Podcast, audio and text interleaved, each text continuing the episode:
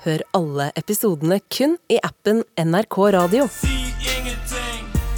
Ja, men Han sier ikke noe om eh, seg selv og sine eh, karer. Nei. Fordi jeg skjønner Jeg skjønner, vet du hva? Jeg skjønner konseptet snitches get stitches, men samtidig Ja. I- Samtidig ikke. ja, noen ganger eh, så er det snitches get snitter. Ja, 'snitches get snitter, som er den morsomste setningen noensinne ever. Og jeg elsker det. Det er mantraet til eh, natteravnene som går ut. Og så har de et stort banner der det står 'snitches get snitter'. Så går de ut, og så finner de en eller annen sånn sidebag-man. Tar de med tilbake, og han snitcher på hele crewet sitt for snitter. Ja. Jeg elsker tanken.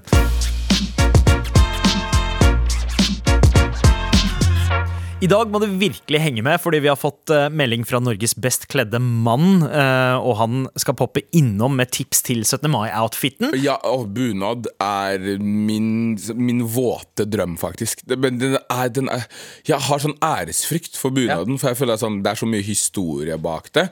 Men så har det kommet til et punkt hvor man sånn, ja, selvfølgelig, det, må jo komme til et punkt hvor jeg også må føle meg norsk nok til det. Og det er det jeg ikke har følt til nå. Men det er sånn, ok greit, når jeg gikk til 27, du har bodd mer enn mesteparten av livet ditt i det landet her.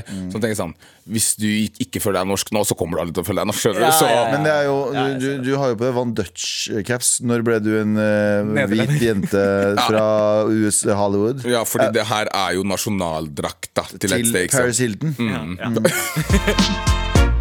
Med all respekt. Hør alle episodene kun i appen NRK Radio.